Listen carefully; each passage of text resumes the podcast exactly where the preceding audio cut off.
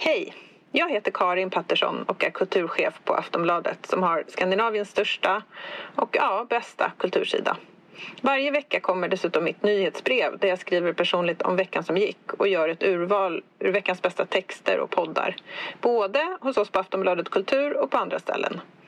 Nyhetsbrevet kostar ingenting och du får första tjing på inbjudningar till våra event och samtalskvällar om litteratur och idédebatt. Gå in på aftonbladet.se kulturbrevet och bli prenumerant. Hej då! Uh, hej. hej! Jag håller på att berätta om att jag tar fram mitt manus nu. Mm. Den här gången kommer allt jag säger vara manusburet. Okej. Okay. Ska vi vara öppna med att det är en journalist i studion eller så det är kanske därför du låter lite stel ifall du gör det. Hörde vad Liv sa där? Eh, ja, men det kan vi vara. Det är en journalist i studion för att vi firar tio år. Just det, och tidningen Vi ska göra ett reportage om det. Och nu så är hon med där, dig där i Stockholm och ska lyssna. Som Caroline låter lite självmedveten och. Men det är, kommer bli jättetrevligt. Ja, verkligen. För er. Ja, vi har det jättebra. Jag, eh, man kanske inte trodde att jag kunde bli stelare, men here goes.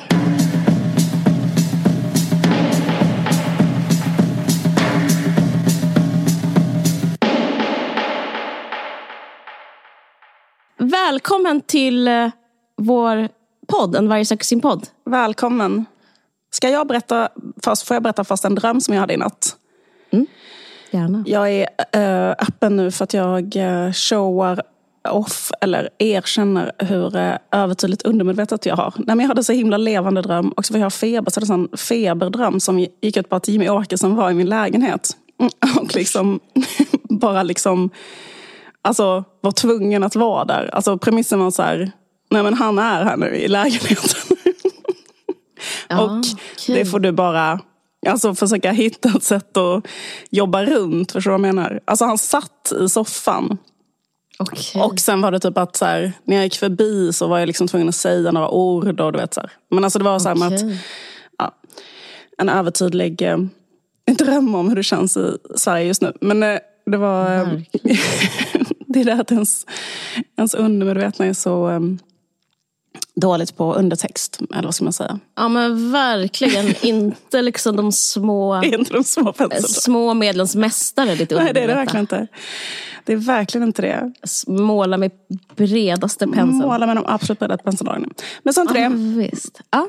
Du ville säga något. Du ville börja läsa högt ur ett manus. Ja, mm. nu börjar jag. Mm. Okej, bara en liten passus till förra avsnittet. Eh, för förra gången så fick ju, pratade vi om eh, filmen Blond. Mm. Nu går jag, jag går off manus direkt. Oj! Jag, pratar om, oh, jag vet. Jag håller i mig Det är sån jag är. Eh, vi pratade om filmen Blond och som fick en överstruken gravsten. Mm. Men jag lyssnade på det avsnittet själv och märker att jag aldrig kommer till poängen. Så jag ska bara säga poängen snabbt för det har stört mig i två veckors okay. tid. Poängen är att vi fastnade i en diskussion om ens utseende. Och det jag aldrig fick sagt, som jag säger nu, det är att Marilyn Monroes dragningskraft beror på hennes konstnärskap och hennes skådespelartalang. Och eh, jag letade i mitt undermedvetna, i mitt, jag letade efter en liknande som man kunde göra parallell av till idag. Och jag tänker på så Leonardo DiCaprio eller en person eller, som eh, också varför den är känd. Mm. Det är liksom inte för att den är så snygg utan det är för att den är så begåvad. Och, det fick, och hela den här filmen och boken tar ifrån hennes, hennes legacy. Faktiskt, Lena Nyman eh, har lite samma eh, typ av utstrålning. Som är som här, att hon är så här, varför blev hon känd och inte någon annan känd? Och det är bara på grund av eh, begåvning och konstnärskap. Och det är därför jag tycker, eh, ja, och det tar de, de, de pratar inte om det i filmen. Men nu ska jag börja på riktiga... Ja, jag, jag tyckte att du sa det, men skitsamma. Du jag ville säga det en gång till. Jag sa inte. Jo, jag tyckte du sa det. Jag tyckte du sa det jättemånga gånger. Jag, jag förstod det. Okay. du kanske förstod det? Ja. Det tror ja, du förstod det? Ja, du sa det. Okay. Det var bra att du sa det igen. Det. Perfekt. Okay. Men i alla fall, jag fick nästan dåligt samvete eftersom den fick en överstruken gravsten. Mm. Så därför tänkte jag prata om en sak som fått fem plus av mig. Mm. Och det är speciellt för jag gillar nästan aldrig något. Men nu kommer det. Jag rekommenderar verkligen den nya tv-serien The Bear. Den är plottlös. Utan plott, men inte utan spänning och konflikt. Den är ett mästerverk och får mig att tänka på en annan film som skulle kunna vara ett mästerverk, men inte är det på grund av för mycket plott. Eh, Den här filmen Världens värsta människa som har gått nu. Eh, Där får, det är en romcom där en huvudperson får cancer. Och det är liksom som, om den hade inte fått cancer så hade den varit eh, fem plus. Men i alla fall. Så här beskriver The New Yorker plotten. Jag tycker det är så himla tråkigt, jag låter någon annan göra det. Och jag är dålig på att beskriva intrig. Så, att nu, så det här handlar om. Den går på Disney Plus och eh, det är en tv-serie på åtta avsnitt som utspelar sig på en eh, restaurang. Så här skriver de. The hero of the series is Carmen Berzato, a driven hot shot who until recently had been running the kitchen at the best restaurants in the world, somewhere in New York City. He is played with rumpled intensity by Jeremy Allen White, who has the lake blue eyes and crescent moon profile of a young emperor, unaware that he is about to be murdered by the Praetorian Guard. Carmi has returned to Chicago in the aftermath of his older brother Mikey's suicide. Han får den här restaurangen som Mikey hade i testamentet, liksom ärver den.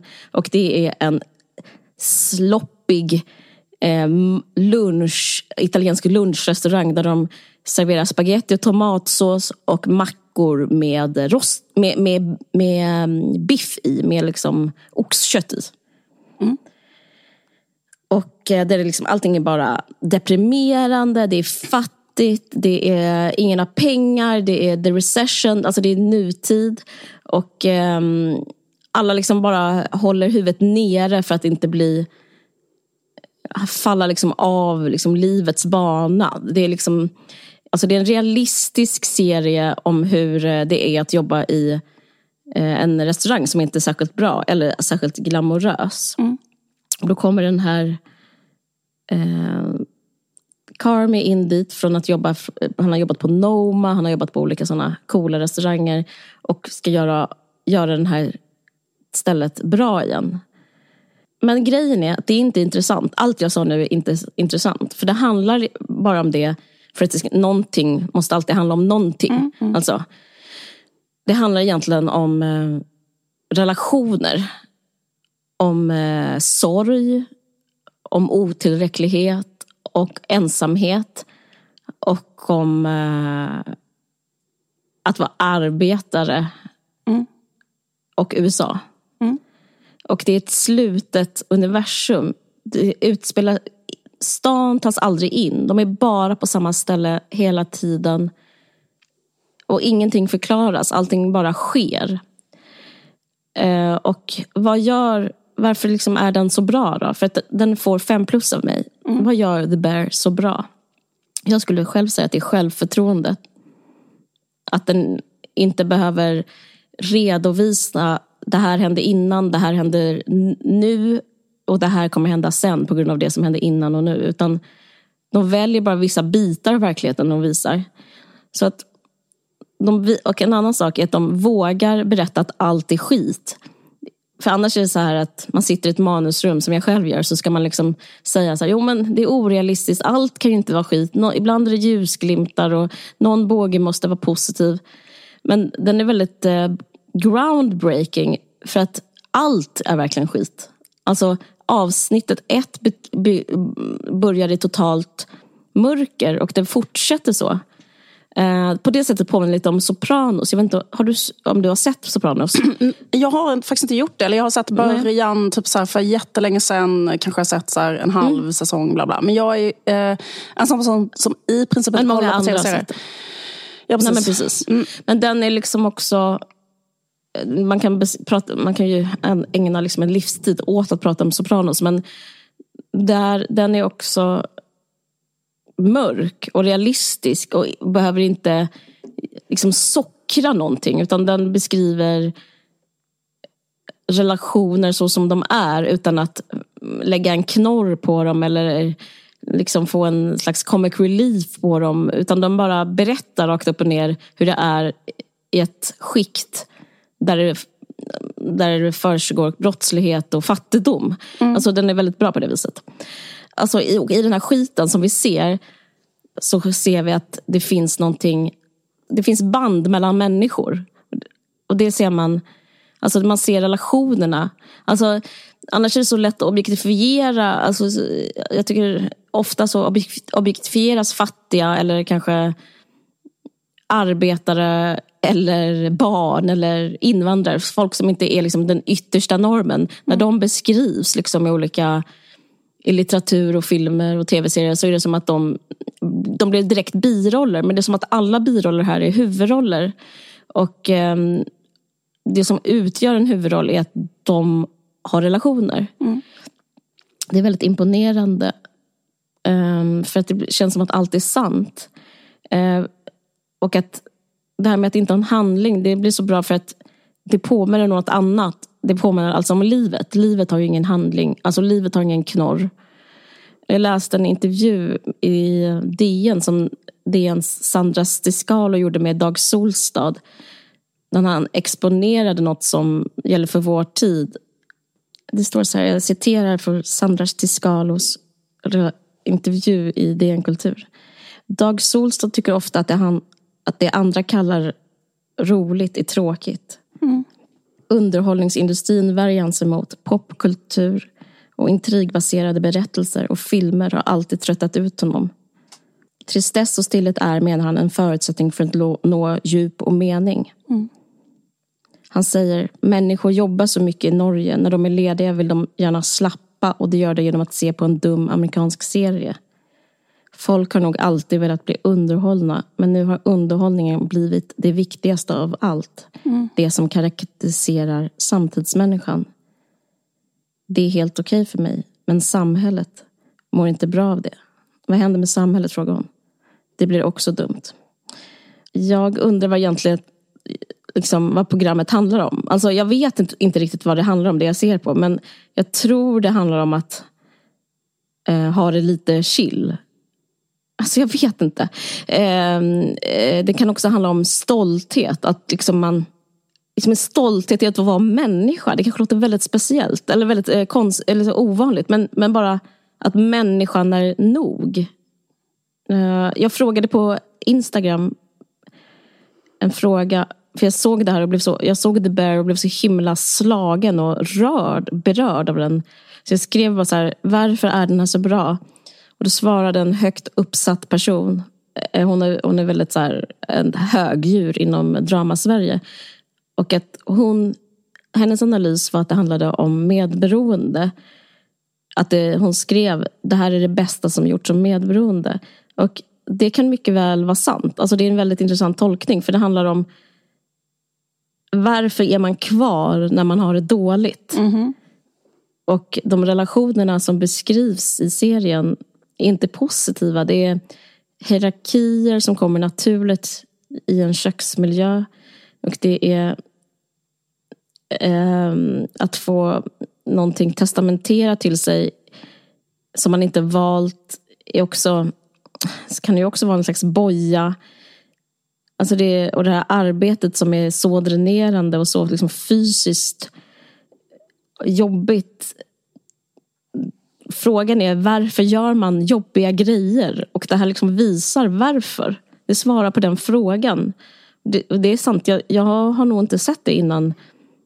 Jag, alltså, jag, jag har inte heller sett särskilt många relation, alltså, bra skildringar av liksom, hur man varför man stannar i ett äktenskap när man blir slagen. Men det här är typ en metafor för det. Eh, och det finns en väldigt fin relation som är, handlar direkt om medberoende. Som handlar om, det är en syrra och en brorsa som blir kvar efter den här brorsan som ägde restaurangen begår självmord.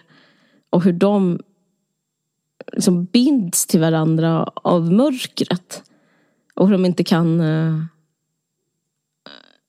göra sig fria från varandra. Och att de också älskar det. Hur de älskar varandra i det här mörkret. Alltså det, jag, jag blir liksom rörd när jag pratar om det. Det är märkligt, men det är så otroligt gör. bra. Det är det, det bästa som har någonsin gjorts.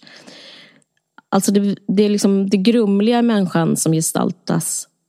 Inte det självklara. Och det, alltså annars är det som att man ser olika personer gå omkring med agens. Alltså nu pratar jag om, inte om The Bear längre utan hur livet beskrivs. Så är det som att ja, en person går omkring och gör någonting och sen så gör den något annat och sen så väljer den en make eller maka och sen så väljer den det här jobbet. Men det är ju inte en sanning av vad livet är utan man är liksom bara helt riden av olika eh, en historia och ett bagage och en prägling och ett, kanske en, bind, en negativ bindning. Och, och så bara befinner man sig själv i en eh, lunchrestaurang med, som får underkänt av en eh, liksom hälsovårdsmyndighet.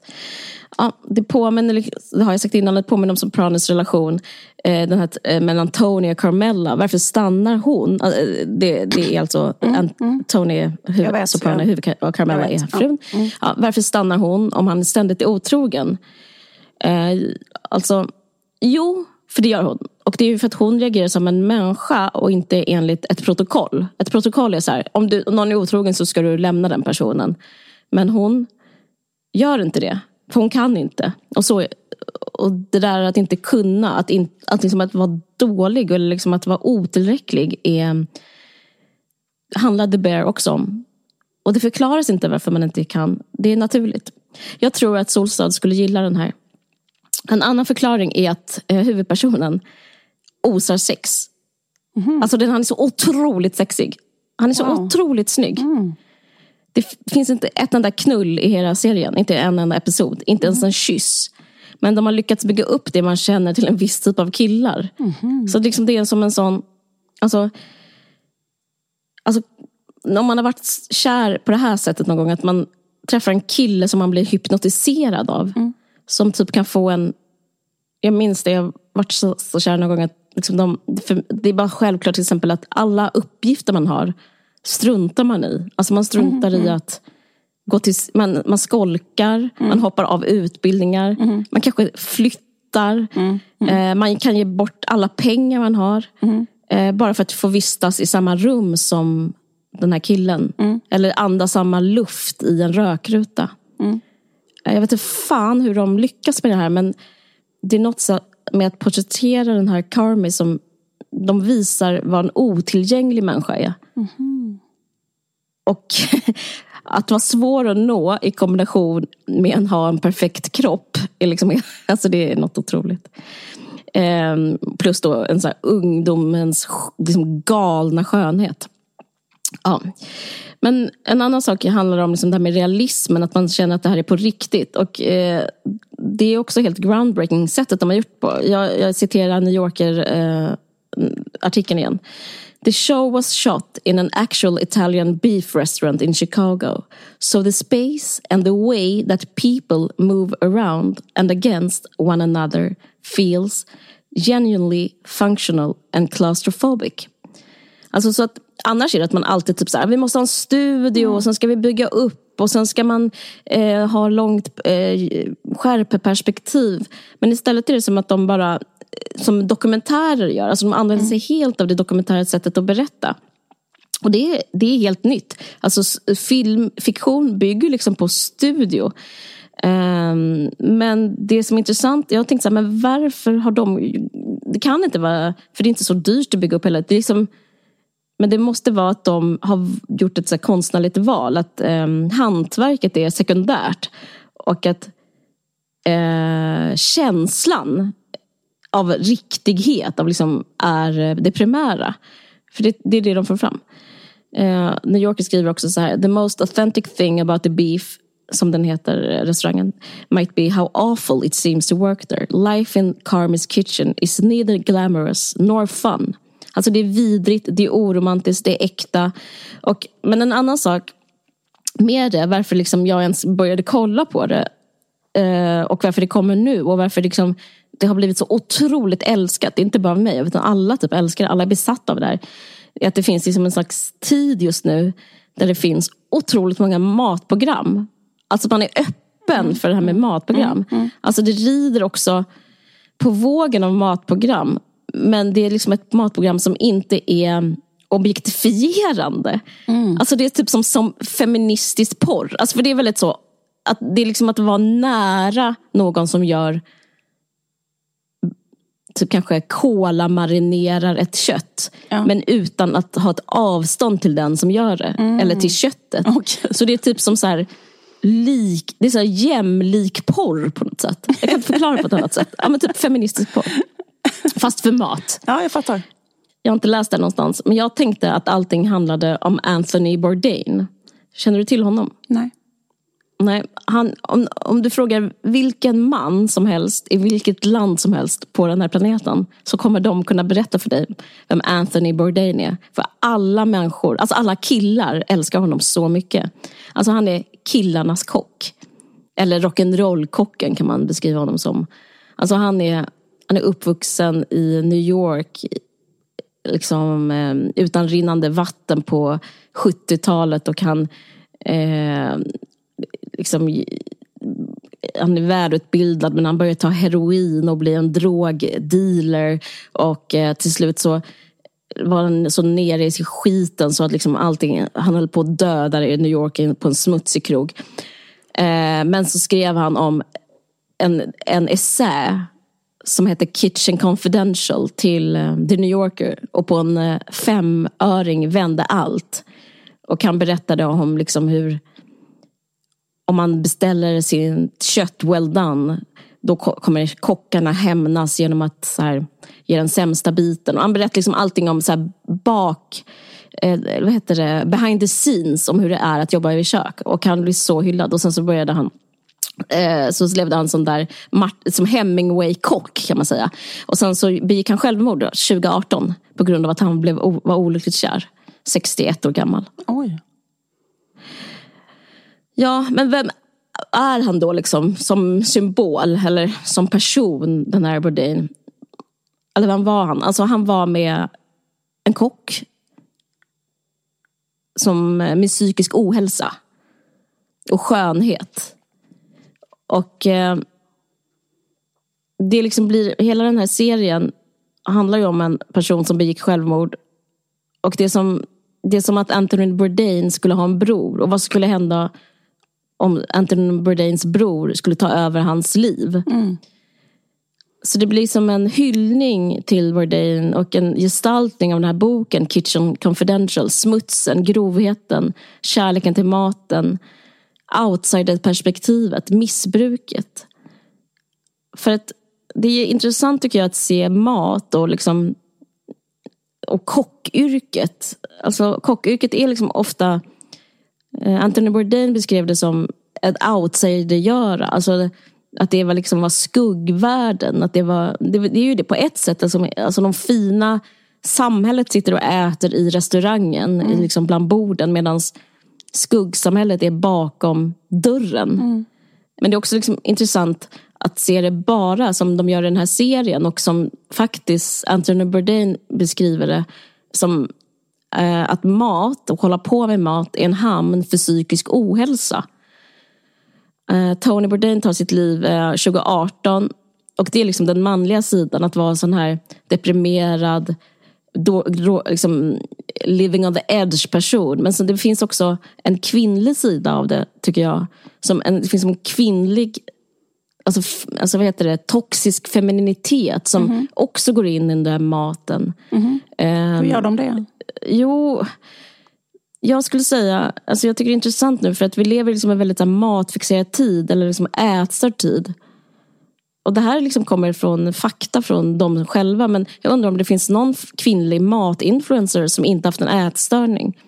Ofta liksom ingår det i deras karriär på samma sätt som Anthony Bourdain, i hans karriär ingick hans psykiska ohälsa. Eh, alltså den här riktigt stor, största kontona på Instagram och i Sverige som de säljer liksom otroligt mycket eh, kokböcker och har otroligt stor följarskara. Och Lotta Lundgren tror jag eh, har sagt att hon vet exakt kaloriinnehåll i exakt varenda matvara som finns. Jag säger, hon har inte kommit ut som ätstörd så jag vill inte peka ut henne som det men det är också liksom jag, det, man kan också tänka det som en passion. Eller liksom, jag vet inte, det är på något sätt, man kan beskriva det som en psykisk ohälsa och, ett, att, där, och det finns liksom uppsamlingshit där hos maten. Kan- eller liksom en obsklass. Liksom. Men hela vår kultur är ätstörd och matintresset inte för att vara hård, men kan faktiskt beskrivas som en del av det. Det har liksom ökat. Det finns otroligt mycket matprogram och eh, matbloggar och matpoddar. Och, jag tänkte på det för jag läste Bröd och mjölk av Karo Ramqvist. Mm. Den, den liksom stämmer ur den här, den här, det tidevarvet. Jag älskar den boken, den är otrolig. Men den hade inte varit så bra. Den hade inte kunnat existera utan sin ångest kring mat och kropp. Den handlar om mat, men den, handlar, den maten är beroende av psykisk ohälsa.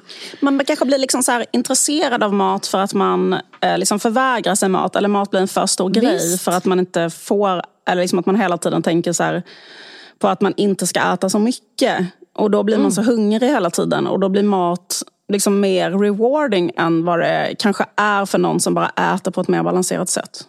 Visst, alltså man blir besatt. Man blir besatt. Och så det blir som en sån hemlig förbjuden lockelse som ger en en enorm njutning när det egentligen bara är typ en macka. Typ.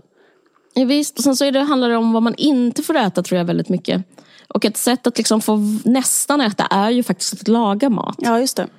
Uh, jag hade en släkting som, det var 20 år sedan um, jag, jag pratade med henne, men hon var väldigt, väldigt smal och led av liksom anorexi. Och eh, det hon gjorde var att laga, eh, gödde sin man. Alltså mm. det är ett mm. sätt att liksom Eh, ja. Men en annan sak är att man bara är väldigt upptagen. Man tänker ja, på mat. Man tänker på mat tiden. Ja, och om anorexi är kontroll så är ju liksom recept det är rätt så tacksamt. Det är nästan som att ha anorexi. Alltså förstår du? Nästan för att få ha den här passionerade ätstörningen. Också kanske så om man har eh. varit fattig, om man inte riktigt har fått det. kan jag också känna igen. Så här, människor som mm. har haft väldigt dåligt med pengar eller ont om pengar. Att man mm. kan få en ätstörning av det också på något sätt. Att man liksom har mm. inte haft mat hemma när man var liten till exempel. Eller, sånt där. Och så, eller inte tillräckligt med mat. Och sen så blir man liksom så här, helt fixerade i mat sen. Alltså att eh, typ ha mat hemma eller vad som är en bra råvara och sånt. Om man liksom inte riktigt har kunnat, liksom, jag vet inte, inte varit riktigt mätt och så. Det, det brukar vara så här, mm. sån, såna, eller jag känner igen det här från... Mm. Alltså att man har uh, lidit en brist på något sätt. Ja precis, och, och den här serien, The Bear, den, den tycker jag beskriver det psykologiska med maten. Alltså det, den beskriver maten som den här metaforen. Jag tror jag faktiskt aldrig sett det innan men den liksom går rakt in i samtiden. Och eh, den fick hur som helst mig att damma av den här Bourdain-hypen. Eh, liksom, jag började eh, lyssna på en dokumentär som Petri Ide gjort och, som beskriver honom den här, som den här rock'n'roll-kocken eller kockvärldens enfant terrible eller en begåvad, sårad, knarkande konstnär. Det är där The Bear kommer in. Att det blir liksom en hyllning, gestaltning, nästan ett kärleksbrev till Bourdain. Eller ett tack. Um, och ju mer jag började liksom läsa om Bourdain så märkte jag att det finns liksom rena sägningar som går in i dialogen. Till exempel så pratar Bourdain om när han var, var mest nedgången på heroin så fick han inte jobb någonstans trots att han var extremt begåvad, liksom en stjärnkock. Så han jobbade på sådana eh, flottiga diners och serverade brunch. Och han, han kan liksom inte, han har så här PTSD av eh, baconlukt. Och han beskriver hur I hate brunch. Och det finns liksom i en del låg återgivning dramatiserat. Hur som helst, ja, nej men då tänker jag att eh, den här Michael då som är Carmines brorsa är Bourdain. Men ja, och att det är, det är fem plus. Det var det jag skulle säga. Kul. Mm. Klar. Det får man kolla in. jag rekommenderar verkligen den. Ja, vad kul.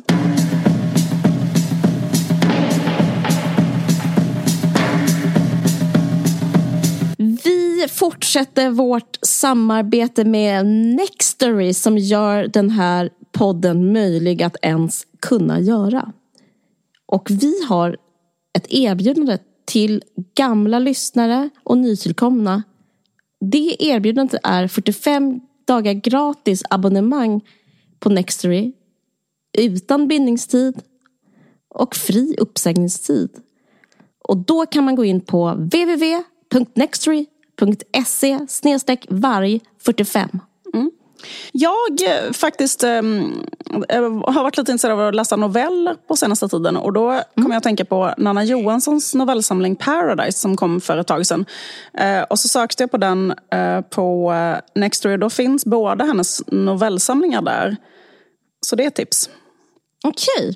Och jag har börjat läsa, för lyssna nu. simple symbol in the sense that it has no parts which are themselves symbols. In a logically perfect language, nothing that is not simple will have a simple symbol. Hörde du? Det låter som en robot. jag, jag har ladd, dammat av Wittgenstein, Oj, oj, oj. Tractatus Logico Philosophicus. För att jag har blivit så intresserad av språket och språkfilosofi. Och jag läste Wittgenstein hemma hos min moster någon gång som 20-åring Mm. och blev helt uppfylld. Och tänkte det här är så sant. Så här, är, det är så här man måste ta sig an livet. Och jag blev så intresserad för jag läste... Hur tar man sig? Hur? Ja, men att allt är bara språk och semantik. Och att genom, först måste man avkoda språket och sen kan man förstå meningen.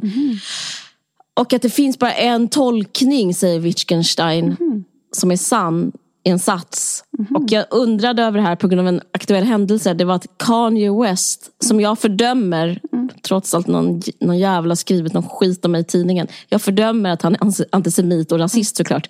Men han skrev White Lives Matter och då blev jag så extremt intresserad av det språkligt. Hur kan man tolka det här språkligt? För det är ju så att White Lives Matter. Men det är ju också en aggression att skriva att White Lives Matter. Och då tänkte jag, Wittgenstein, Wittgenstein, vad är du? Gick in på Nextory. Där fanns Ludwig Wow. Wittgenstein. Kan inte ni också läsa den så ni kan förklara för mig vad i helvete han säger? Vilken Nej, av. Wittgenstein är det du rekommenderar då? Alltså det är den här som Tractatus Logico Philosophicus. Okej. Klassikern. Ja, vad spännande. Eh, vad kul. Eh, och är ni som Caroline intresserade av att damma av Wittgenstein då är ett sätt att göra det att gå in på nextory.se och eh, eh, vad heter det, ange koden VARG45 och då får man alltså 45 dagar gratis. Och det här gäller både för nya och gamla kunder. Och det finns ingen bindningstid och ingen uppsägningstid. Eh, Och eh, vi vill bara säga tack så mycket till Nextory för det här eh, samarbetet. Ja, alltså det finns uppsägningstid när som helst. Så det är inte som att man... Det finns hela tiden uppsägningstid kan man säga.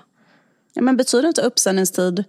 Alltså, Alltså- ingen uppsägningstid, det låter som att så här, once you're in, you're, in. Nej, precis. Men uppsägningstid är ju så här att ehm, du eh, behöver betala två Jaha, månader okej. till innan uppsägningstiden börjar gälla. Så är det till Ja, ja, exempel ja. på fritidsplatser i Malmö. typ att om man vill säga upp den så måste man göra det tre månader innan och även om man slutar gå så måste man ändå betala för tre månader och så vidare. Åh gud, jag blir utbränd av det här. Ja, det är inte vi, så, utan man kan sluta när man vill. Exakt, och vi tackar Nextory för detta samarbete. Som gör den här podden möjlig. Tack Nextory. Jag vill bara göra det där. Ja, bara prata, bara liksom gestalta en detalj nästa gång jag gör något själv. Alltså, nästa gång jag skriver en bok, bara skriva en bok med en detalj. Mm. Varför ska man hålla på och ta in och liksom stärka upp med storytelling? Ja, vad intressant. Jag, jag lyssnade på, en, eh, på ett avsnitt av The Jacobins eh, podd. Avsnittet heter eh, Is Culture Dead? Och det handlar om eh, why cultural production is so awful right now and what its root causes are. Och det är då två prominenta cultural critics som brukar också recensera film i The Jacobin. Då. De heter Catherine Liu och Eileen Jones. Men då pratar de så himla mycket om det där. eh, Att det är alldeles för mycket. De är två ganska äldre kvinnor. Liksom, de, liksom, två ganska gamla tanter typ. Som har undervisat i film i tusen år och, vet, liksom, och bara är såna sjuka liksom, filmproffs. Liksom. Och de sa så här, att det är så jävla mycket plott just nu så att man inte står ut. Typ, att, så här, man kan inte titta på någonting för det är bara så här, plott, plott, plott. De, de pratade om Stranger Things som är en av de få um, saker som, som jag har sett. Och då sa de så här, bara, um, det är så mycket plott i Stranger Things att man tittar på första avsnittet och så är det bara så här, plott, plott, plott, plott, plott, plott. Alltså, du vet, man bara som, står inte ut för att det finns, så här, det, det finns inget. Eh, och, och sen att, ehm, eh, att att, eh, att folk har så himla mycket liksom ett eh, ärende eh, med sitt berättande eller en, eh, en slutsats eller en mening. Att det ska, liksom, eh, att det ska finnas en eh, en, en kontenta typ. Eh, Eller så här, de, de, vill, de vill liksom eh, eh, ber- berätta en, eh, typ en, eh, det, det ska vara, och, och så sa hon så jävla roligt, en av de tanterna bara If you, get a, if you get a message with your movie, I don't wanna see it. Bara, Please, liksom. Eh, ber, berätta inte för mig någonting som har ett message, för liksom, då är det inte en film. Alltså typ så här, ehm, Jag håller med. eh, och, Men jag tycker inte, det behöver inte bara vara message, bara det att, liksom, bara att det händer något är orealistiskt. Ja, det händer exakt. aldrig någonting. Men det var så kul för det känns som att det har kommit upp flera gånger nu med den här kritiken av överplotting. Eh, att, att de sa det, eh, jag sa det i eh, Triangle of Sadness att det var en positiv sak att det inte var så mycket plott. För att eh, ehm, det, det är liksom någonting som har blivit så jävla överanvänt. Och också är det faktiskt Jag tycker det man... verkar för mycket plott. Jag tycker de, inte, alltså jag tycker de verkar ha jättemånga grejer som händer där. Men, men, Ja exakt, men den är inte, det är liksom inte en sån, ehm, den är inte så här, typ en perfekt uträknad eh, Just det, Rubiks manuset kub var lite haltande, Ja liksom. exakt, Ja, typ att, just det, det, att det finns grymt. många spår och det finns, eh, alltså det är liksom lite scener så här snarare än att det är liksom en Eh, eh, A leder till B, leder till C, leder, in till C, B, leder in, pl- planterar en ny grej där. För det är också väldigt, väldigt mycket med sådana tv-serier känns också som att man börjar med att plotta upp så jävla mycket så att det finns liksom 49 000 spår. Så det är så jävla spännande. Och sen bara fortsätter serien och sen bara blir det en ny säsong och sen bara blir det en ny säsong och sen bara blir det en ny säsong. Men sen liksom rinner det ut i sanden. För det går liksom inte att... Um, förstår du vad jag menar? Att, det blir liksom, att man Ja. liksom plottar upp. För, det, för, liksom, för grejen inte att man, liksom, man, man, man håller bara på med det där som Dag Solstad kritiserar som är liksom att väcka en trött arbetare som kommer hem från sitt långa eh, tråkiga jobb och behöver liksom ehm, och då liksom örfilar man upp den personen med en sån, många plottar så att man blir så här, sitter så här gastkramande i soffan. Vem har dött? Vem har... Alltså vem, vem, vem gjorde det? Jaha, ska systern ligga med sin styvbror? Eh, Alltså liksom, att så, sånt här liksom lagras på för att man ska liksom bli så insugen i det. Men det, visst. det finns inget där som är liksom egentligen typ en berättelse eller en spegling eller något som är bra. Eller, alltså, Nej, tvärtom tror jag det kan vara alienerande för man kan känna liksom sån otrolig gap mellan sitt eget liksom, eh, liv Mm. och det som sker när man ska ha det bra eller ha det roligt. Så det är så här, då är det tusen plottar i A, B, C, D, E, F, G-bågar som får upplösning. Eh, och sen så bara fortsätter, så stänger man av så är man i sitt liv som inte är så alls och så är man bara Eh, alltså det är isolerande, alienerande och liksom får, för en bort från samhället. Mm, verkligen. Och det, Eh, men det, är också så här, det, och det har ju varit som ett uttalat krav. För jag kommer ihåg, du och jag gjorde för tusen år sedan en så Mm. pilot till en eh, eh, serie. Där Mm. vi ville göra en tv-serie som bara var typ, eh, vad ska man säga, scener från vårt liv i Malmö när vi var typ 23. Och den är fortfarande jättebra. Ja, men den är det. Ja. För den är inte så. Men, men då kommer jag ihåg att de sa till oss på, på då, den här dramaavdelningen att så här, ni måste ha en plott. Alltså det måste finnas en sån sak. Typ att en dör i första avsnittet. Skämtar bara. Nej, men, alltså, typ, En, dö, en dör i barnsäng. Typ som om man var fast... Ja. Deras bästa vän begår självmord i första avsnittet. Nej, men typ så här, och sen eh, ska de lösa vem som, eh, vems fel det var. Nej, men typ så här, men, men eh, om man bara vill ha, ha så bara, ja, fast det handlar bara om att eh, jag vet inte, de ska gå ut och handla kaffe och det är en dialog. Eller alltså så, liksom, men det var så här, nej för att ehm, det får, man, man, man, man får inte skriva så. Nej exakt, man får inte göra så. Nej, jag vet. Därför tycker jag det Men- känns så inspirerande att göra det. Ja. Men jag undrar om det är håller på att vända. Alltså nu med dessa exemplen, att det liksom finns en Det här är det enda. Alltså jag, jag, jag, alltså det, men det är intressant för att det här blir så älskat. Mm. Så det kanske är liksom... eh, Men jag tycker också ett sätt människoföraktande för- liksom i alla led. För vem är det man skriver plott för, tänker Mm. jag. Man själv vill inte ha det. Alltså cheferna tänk, vill väl inte ha det. Och sen så de som till slut får det, de bara liksom konsumerar, alltså hackar i sig det. Men de, alltså det blir som att eh, man tror att liksom alla andra är oförmögna att ta till sig av eh, livsskildringar. Alltså det är som att det är en så här kollektiv jättedum missuppfattning. För, det, för det är ju alltid så att, ja, men till exempel som Girls, en del av den succén var ju att den var extremt plottlös också. Ja, ja. Det fanns ju en sån b- grej i början, så att hon blev av med sitt... ehm, Ja, liksom, sig. ja, exakt, Jag precis, ja. Det är samma som med den här. Jag har inte ens berättat det, men det, det blir en upplösning. Men den upplösningen ser jag nästan som ett skämt. Nästan som så här, man ser nästan hur, från, från högre ort, ja, ni får skriva upplösning. Då skriver de liksom en jätteöverdriven upplösning i sista avsnittet. Som jag inte kommer att avslöja såklart, men den är liksom helt obsolet. Det skulle kunna vara, ha den kvar och inte. Alltså, för det är inte det som är livet. Men jag undrar om det handlar om att de här liksom streamingtjänsterna är eh, Mm. reklam... Alltså de är ju... Eller vad ska man säga? Eh, Nej, men de, är, de bygger på eh, prenumeration. Ja. Så man måste göra så väldigt långa saker i flera säsonger som, som får folk hooked.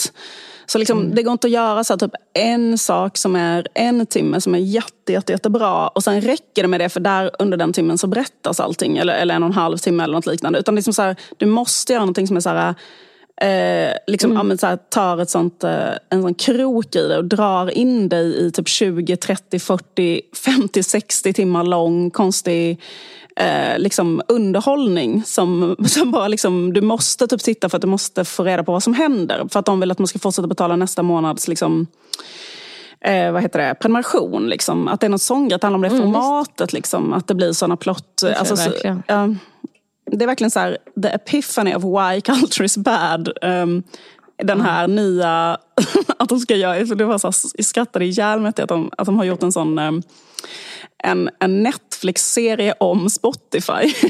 Då känner jag så typ. Som heter så här, The Playlist. Som är här, typ ett drama på Netflix om Spotify. Som var så, Ja. succén. Succé. Alltså de två liksom, eh, liksom, why culture is bad. Nu är till och med så här, till och med att Netflix handlar om Spotify. Det går liksom inte att bli vidare.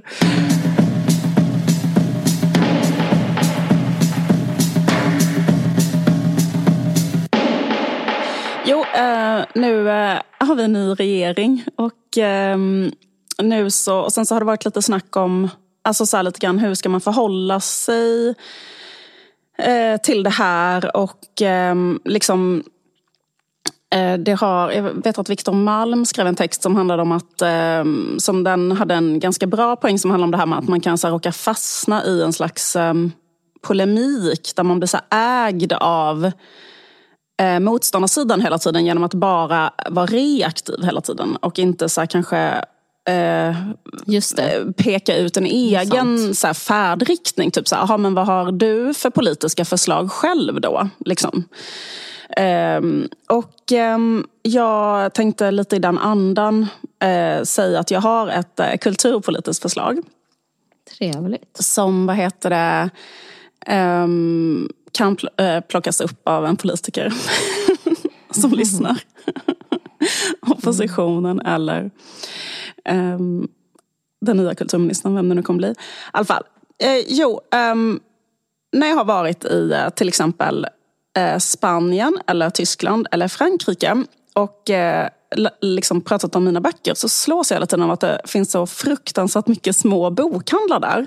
Typ i eh, Paris, hur många små bokhandlar som finns. Eh, hur många som finns i Berlin, hur många som finns ehm, i Madrid. Eh, jag, eh, och att liksom det är, finns en sån eh, vad heter det, grej som är liksom att man typ samlas efter jobbet. Kanske man går in i en sån bokhandel och så är det en poesiuppläsning där. Och så tar man ett glas vin, eh, så kanske det är ett författarsamtal. Och det händer varje dag någonstans. Eh, och eh, ja, man ses alltid där och tar en kaffe och bla bla bla. Och det är events, det drivs av jätteutbildade, jätte jättebokintresserade personer som har en eh, liksom, vad heter det, nischad bokhandel där de kan allt om något ämne och har en bokhandel om just det ämnet och så. Eh, jag var på ett helt, en helt otrolig, relativt nyöppnad bokhandel i Barcelona nu när jag var där som heter Finestres som betyder fönster på katalanska. Mm. Så jag liksom bara beskriva hur den här bokhandeln är. Man går in på ena, det finns ett en, liksom ett stort rum, ett underbart harmoniskt rum. Där det är liksom så här trähyllor, ett, ett vackert underbart rum. Um, först går man igenom liksom all, ett, ett, ett plan med liksom all intressant så politisk uh, uh, ja, politisk debatt kanske som finns nu i alla olika ämnen om typ AI mm. eller vad som helst eller finanspolitik eller hit och dit. Så mm. går man upp på övervåningen, där finns det bara skönlitteratur. Och då är det liksom ett helt segment som bara är poesi. Och då finns det liksom, det är inte så här, uh, här eh, det finns liksom en, ett, ett jättestort segment med poesi på engelska. Och då är det inte så här, uh, här har vi en hylla med engelskspråkig poesi med liksom blandad engelskspråkig poesi. Utan det, är så här, det var sorterat efter person. Så förstår mm. du så här, det stod så här, Sylvia Plath, så var det så här, alla Sylvia Plaths diktsamlingar. Maya Angelou, alltså förstår du? Mm. Inte så den, den eh, senaste samlingsutgåvan som de har gett ut, utan alla liksom i liksom, mm. de utgåvorna. En hel hylla med Louise Glück. Alltså förstår du vad jag menar? Mm. Och där står Vild-Iris Ararat. Achilles? Ja, jag köpte. Jag kan återkomma till det. Det, mm. det, det, finns en, sen fanns det en hel sektion med latinamerikansk poesi. Och då var det liksom en lång rad uh, Pablo Neruda, uh, Gabriela Mistral. För menar, och då har de liksom varse, alltså, uh, ja, de har liksom mm, typ allt de har skrivit då. Mm. sen så man går vidare in i bokhandeln och då finns det en um, patio där inne. Som är då utomhus. Som har är inhägnad med växter på hela väggarna och typ ett litet vattenfall. Och där inne finns ett café också. Mm. Så liksom en patio utomhus med växtlighet på hela väggarna och ett, ett rinnande vatten. Där är det, är det helt dödstyst där, där, där inne. Man kan gå och beställa en kaffe. Eller det är ju som utomhus då, men det är liksom som pytteliten innergård. Liksom. Och eh, där står det så här skyltar, så här, här är det förbjudet att jobba. Alltså, där var det förbjudet att ta med en laptop och sitta och jobba. Mm, eh, och göra läxor och sånt. Utan det man fick göra där inne var att man kunde ta med en bok från bokhandeln och sitta där ute och läsa. Så man får bara sitta och läsa där ute. Um, och man får låna boken och se om man typ tycker den verkar intressant. Sen kan man ställa tillbaka den om man behöver inte köpa den. Jag vill dit. Ja, exakt. Sen, så jag, sen, sen har de öppnat en filial på andra sidan som är precis mitt över gatan. En likadan, helt fantastisk bokhandel. Men den är bara dedikerad till konstböcker och serier. Så hela det andra segmentet är det bara alltså helt otroliga konstböcker och helt otroliga serieböcker från världens alla hörn. Alltså du vet det bästa, det bästa, det bästa, det bästa du någonsin har sett. Liksom. Från alla... De känns så intresserade av serier i ja. Spanien. Stämmer det? Ja, mest är man intresserad i Frankrike men det finns också i Spanien. Men det finns ju liksom mm. en typ alternativ seriekultur som man inte i princip känner till i Sverige. Eller så. Alltså, det Nej. finns ju, ja, de hade en serie till exempel som heter Pinocchio av Carlo Carlo Collodi heter han. Och det är mhm. typ en, den läste jag för länge sedan och det kommer jag ihåg är typ en av de bästa serieromaner jag någonsin har läst. Det är så typ en modern Pinocchio som är fruktansvärt mörkallt, sinnessjukt, fruktansvärd serie. Men den är så jävla, jävla, jävla, jävla bra gjord. Och den vann typ alla, alla liksom internationella awards och så när den kom. Men det är jättelänge sedan den kom. Men jag bara menar att till exempel den var där jag menar bara att man har inte så här, mm. Eh, det senaste, utan man har det bästa. Man har bara det bästa. Ja, liksom. ja, Förstår du ja. menar? Om, man, om det har kommit Absolut. ut en dålig serie så är inte den där. Liksom. Utan, och det som händer när man är där det är att man kan hitta någonting som man aldrig hade sett eller förstått annars. Liksom. Och mm. eh, då till exempel, och, så, och, för att personalen tipsar också. Och då hade de liksom, eh, ja, tipsade de om eh, då köpte jag en bok som var tipsad av personalen av en eh, person som heter Sylvie Rancourt som är en kvinna från Quebec som har skrivit en seriebok som heter Melody. Det är en samling av hennes fanzine som hon gjorde på 80-talet. Och de handlar om när hon jobbade som strippa i, i Quebec på 80-talet. Och och, då, eh, och hon publicerade dem själv, så de är väldigt så spretigt och alternativt ritade. Det ser ut som typ kanske Mats Jonsson, fast det handlar om eh, liksom en strippa på 80-talet. Det handlar om att hennes, första kapitlet är att hennes pojkvän tvingar henne att börja jobba som strippa. Och sen så gör de de här serierna liksom under tiden. De är så otroligt eh, bra, roliga och fina och ett otroligt spännande eh, liksom, eh, projekt, hennes serie då. Och, Men de, de här visste inte jag fanns.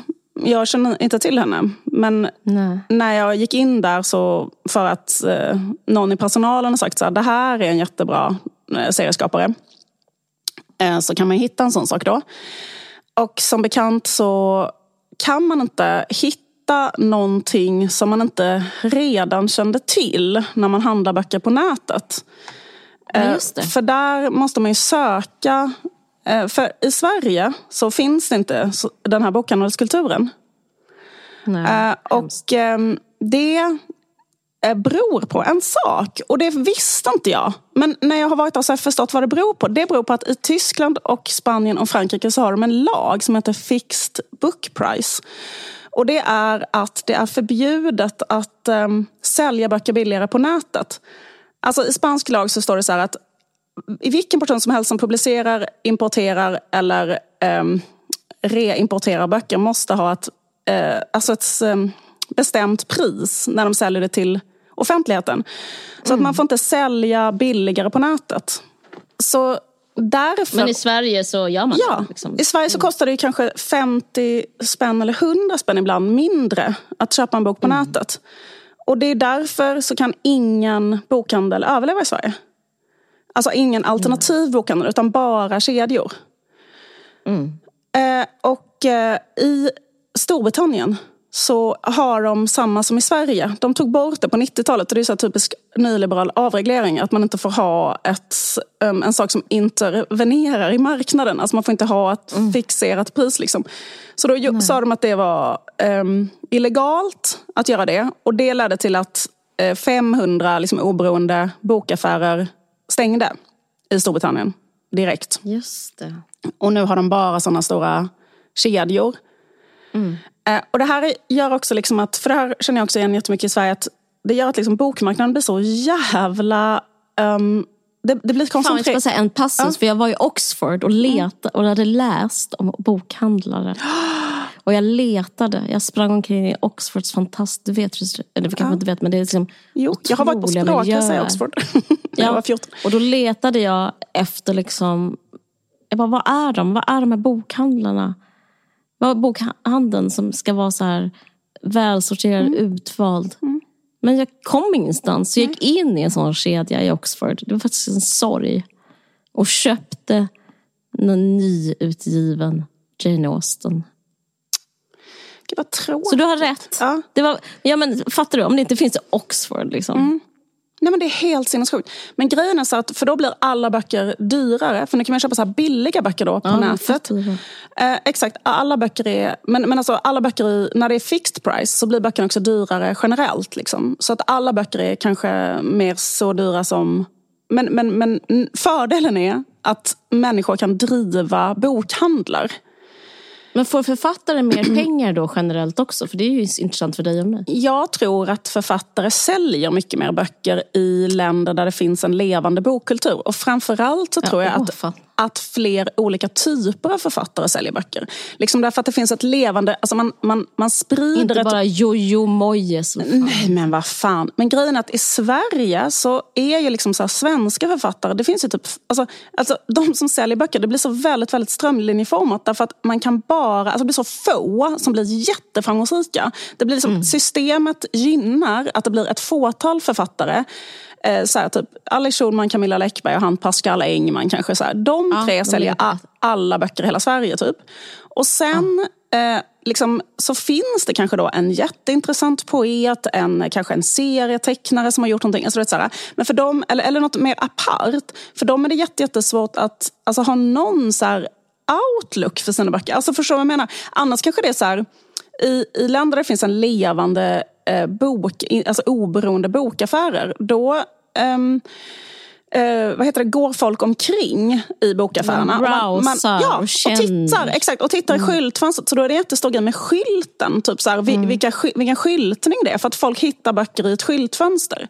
Och då, om det jobbar jätte enormt intresserade, dedikerade människor där, vilket det gör de här bokaffärerna. Mm. Då kan de liksom skylta med, de kan själv då, de läser allting, de hittar vad som är intressant, de kan skylta med det, de liksom kan ta dit den författaren, de gör ett författarsamtal. Alltså så, så, att, så att det blir liksom en sån, det blir liksom en del av kulturen. Typ i Barcelona har de så en, en dag där, som heter så här, eh, bokköpardagen. Typ. Den heter så här San Joao. Jag kommer inte ihåg exakt vad den heter. Men det är i alla fall en dag där alla människor går ut och köper en bok till sin flickvän. Det är så en, eh, typ så här, en jättegammal eh, det är byggt på Sankt ah, Göran mm. och draken. Det börjar med att kvinnor ska köpa en blomma till sin man och männen ska köpa en bok till sin flickvän. Whatever. Det är någon sån konstig Valentine's Day-grej som är ommorfad till bokhandel. Men i alla fall att det finns en kultur där varenda... Och då är det så här, ja men varenda människa Eh, eh, varenda kille går ut och köper en bok till sin tjej. För annars är det så här, annars är det jättesjukt.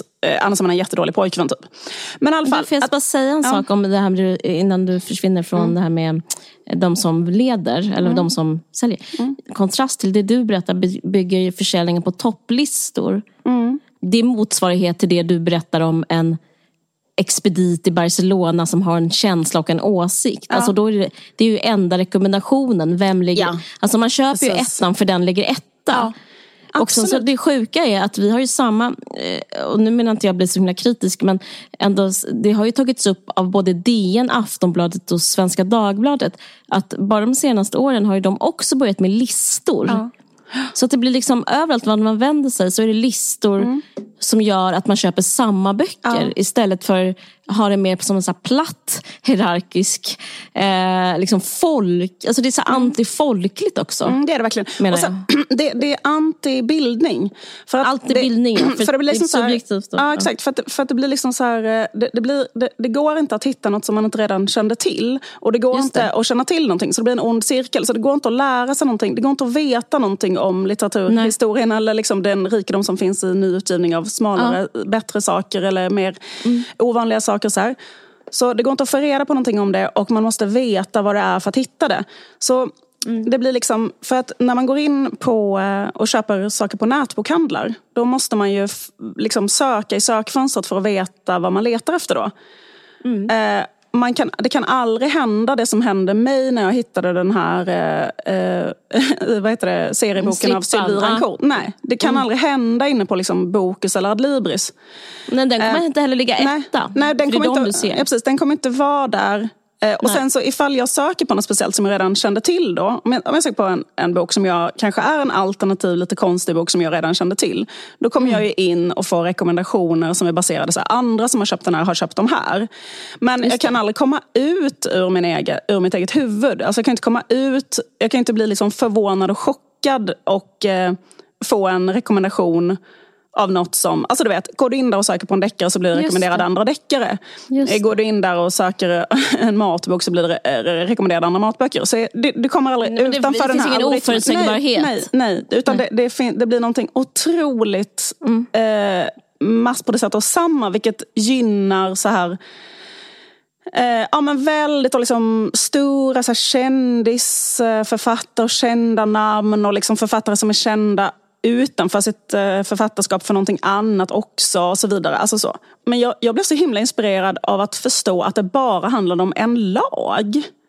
För det handlar inte om ja, någonting. Fan vad skönt. Ja, det är bara att säga till dem. Ja men exakt. Alltså, så, här, så att om man bara ändrade det så att det var en fixed eh, book price i Sverige. Då hade man liksom bara kunnat skriva en sån lag. Och sen efter det så hade förutsättningarna för att driva bokhandel i Sverige helt förändrats. Så liksom allting man pratar om så här, oh, vi, vi behöver liksom en, en mer bildad befolkning. Nu pratar ju, till exempel Folkpartiet pratar ju om det jättemycket. Att de värnar om bildning så mycket och så ju. Och då tänker man så här, alla pratar om det, läsning. ja men exakt, unga. läsning och bildning och sånt liksom. Men då, eh, istället för att bara så typ ha, ha liksom konstiga eh, vad ska man säga, pro, pro, pro, projekt i skolan och ja, liksom ja, hålla ja, på liksom och försöka påverka långsiktigt och hitan och ditan. Så kan man bara ändra den här lagen. Mm. Och då så skulle man ha en helt annan förutsättning för att driva bokhandlar i Sverige. Och då så skulle också till exempel, jag tänker alla människor, för det finns så många människor i Sverige som typ har gått eh, tusen år på universitetet i kanske och läst filosofi. Kanske kan Mm. allt om det. Och så hittar de inget jobb och det slutar med att de kanske läser på någon bibliotekarieutbildning och sitter på något bibliotek eller de kanske blir lärare eller så börjar de jobba med något helt Mm. annat och sådär. Men till exempel att de människor som hade typ, till exempel så en gedigen bildning inom ett område, då hade man kunnat ha liksom en nischad, sen går så här en nischad filosofibokhandel eh, i Malmö. Med all filosofi som finns. Med någon enormt filosofiintresserad person som kunde ha alla klassiska verk till exempel. All ny intressant filosofi, all internationell filosofi, all fransk filosofi, all tysk filosofi. All... Tänk om det fanns en sån bokhandel.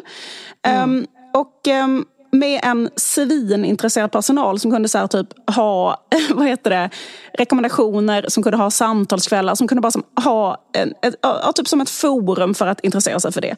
För att vi har ju bibliotek i Sverige som är väldigt utbyggda och det är väldigt kul. Men faktum är att även om man är på ett stort bibliotek, som Malmö stadsbibliotek eller så, så har de en jättebegränsad filosofihylla till exempel. Alltså det är så. Och för att hitta, liksom, alltså, så här, sen kan du beställa, men du måste själv veta innan då, så här, ja, vad, Och sen så har biblioteken blivit jätte... I och med att man stängt alla liksom, statliga institutioner för Ja. människor som, som är lite avvikande eller mår lite skit.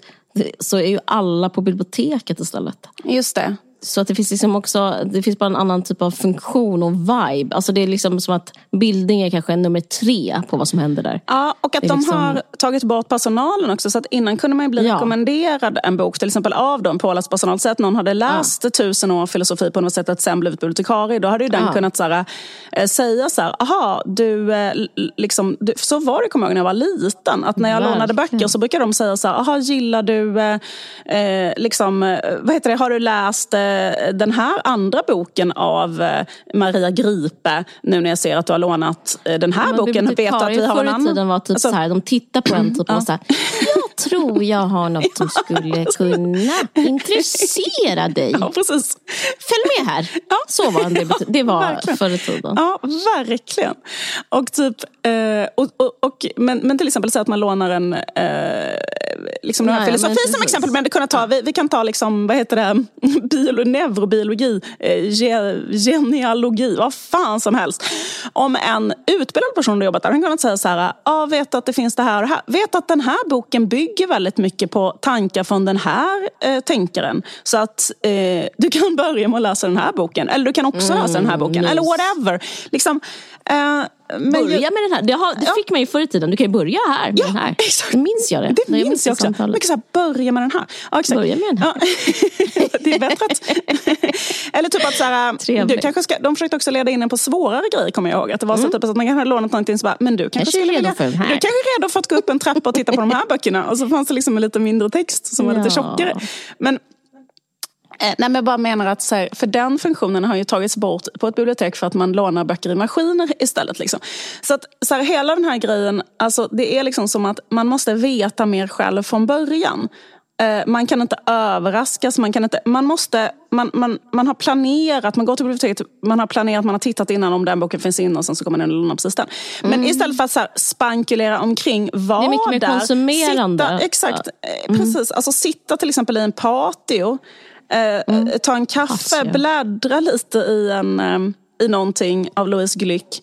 Eh, känna att man vara intresserad av att kolla på Louise Glücks allra första diktsamling så står den, så står den där. Eh, liksom några, några, Men du, eh, några fan vad intressant att du nämner Louise Glück. För jag har tänkt, eh, jag eh, är ju den enda personen som älskar Svenska Akademin i Sverige. Mm. Men eh, just för den anledningen, för de är den enda som inte är Akademibokhandeln eh, allt, liksom, alla liksom, pilar som pekar boklistor och bokustoppar och sånt. För de är ju så här, vet ni vad? Har ni hört talas om Ja. den här? Ja. Det är en man som bodde först i Västindien och flyttade till London. Och han började skriva poesi. Och då är man så, jaha, nej, jag har inte hört talas om det.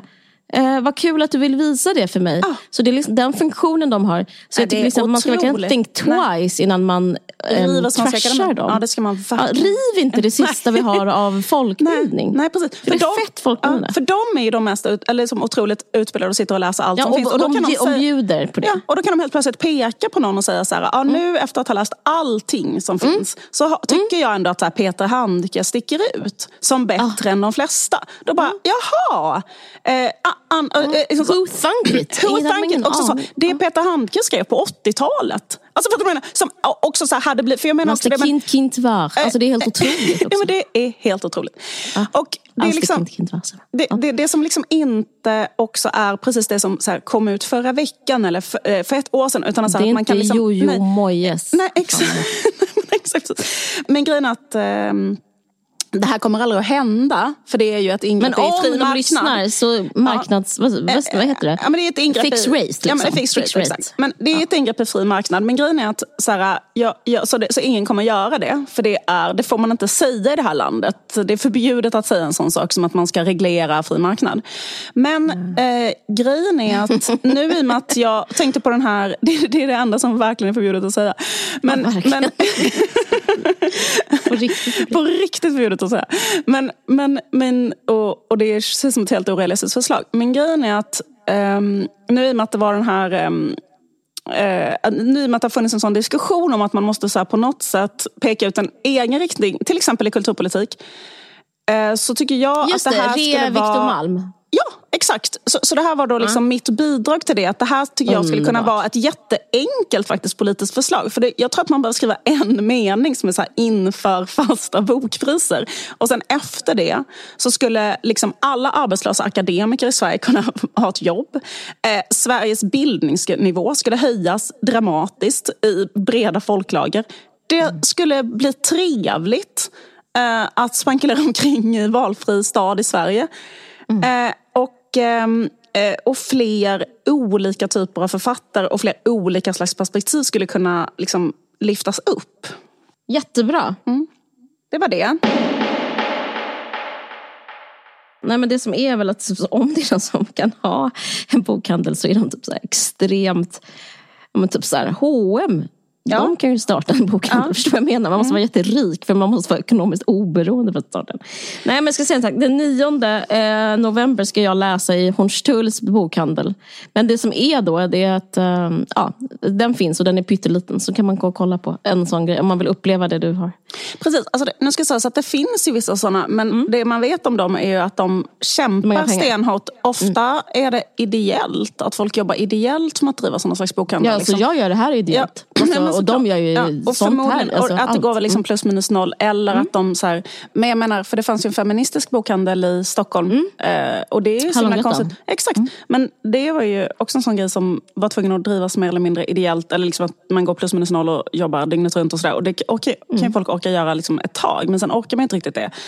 Och... Eh, nej, Men, men till och med Hedengrens har lagt ner, så att ditt case är solklart. Alltså, Men och sen, alltså, nej, precis, och sen blir det väldigt sjukt för sen, är- då finns det ju bara så här pocket shop och sånt. Så liksom, när man går förbi, liksom, eh, när man åker så central, alltså när man åker tåg eller så, så går man förbi sådana. Och då är det ibland så här personal rekommenderar, men då är det så här, ja, personal rekommenderar Jojo Moyes.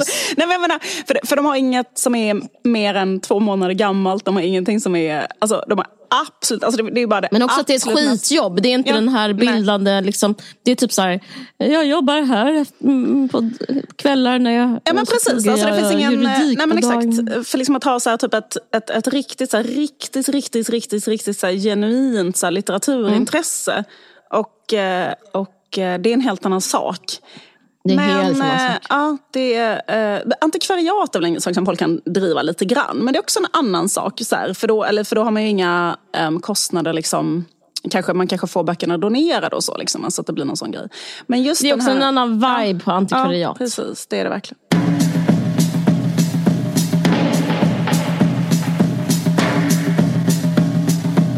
Vi har ett samarbete med Dalateatern.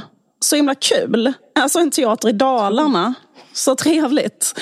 Eh, de kommer sätta upp, nu blir det ännu trevligare, de kommer sätta upp en, en, eh, en pjäs som heter Ödesmärkt av Karin Smirnoff som ju som bekant var dotter till August Strindberg och Siri von Essen. Hon levde 1880 och dog, hon föddes 1880 och dog 1973.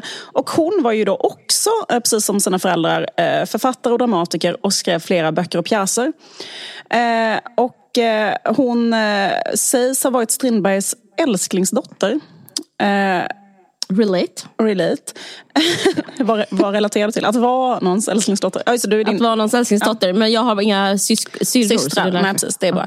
Eh, men ehm, eh, hon skrev i alla fall, hon skrev till två böcker faktiskt som handlar om föräldrarna. Där hon tog eh, sin mammas parti mot pappans eh, liksom förtal. Han skrev ju mycket negativt om Siri von Essen. Den tidens Kanye kan man säga. Verkligen. Det var det ju i allra högsta grad.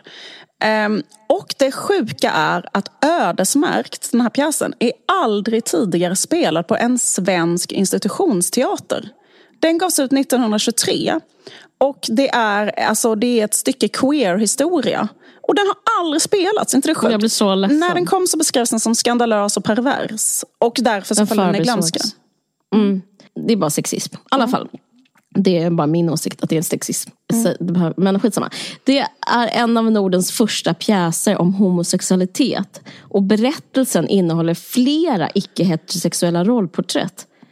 Fast den är skriven för exakt hundra år sedan. En tid då homosexualitet inte bara ansågs omoraliskt utan också var kriminellt. Så det är liksom eh, rätt så coolt får man säga Verkligen. rollerna de är komplexa, intressanta. De får ta plats i en berättelse som är mångbottnad och välskriven. Genom Karins pjäs får vi se hur det kan ha varit för icke-heterosexuella släktingar några få generationer bakåt i tiden. Släktingar som inte kunde vara sig själva ens i sina hem och vars livsöden oftast aldrig berättades vidare till barn och barnbarn. Ja, det är en, en eh, otroligt eh, kul att Dalateatern liksom tar upp den här, det här stycket av liksom bortglömd queer-historia. Eller liksom, eh, vad ska man säga? Ja, bara litteraturhistoria helt enkelt. 2022 så sätter Dalateatern alltså upp Ödesmakt för första gången på en svensk institutionsteater. Pjäsen är modern, intressant och spännande. Berättelsen är mörk och sorglig men uppsättningen på Dalateatern är fylld av humor och värme och galenskap och lite splatt Teater. Spännande. Den spelas till och med den 4 december på Dalateatern i Falun. Och den kommer gå på turné i Dalarna. Mysigt. Ja, och vi har ju då såklart ett erbjudande till våra lyssnare. Och det här erbjudandet är en klassiken Gå två för en.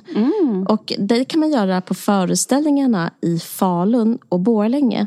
Så om du har en god vän som du vill gå på, fast med priset, betala priset för en biljett, så anger du koden VARG när du köper biljetterna via www.dalateatern.se.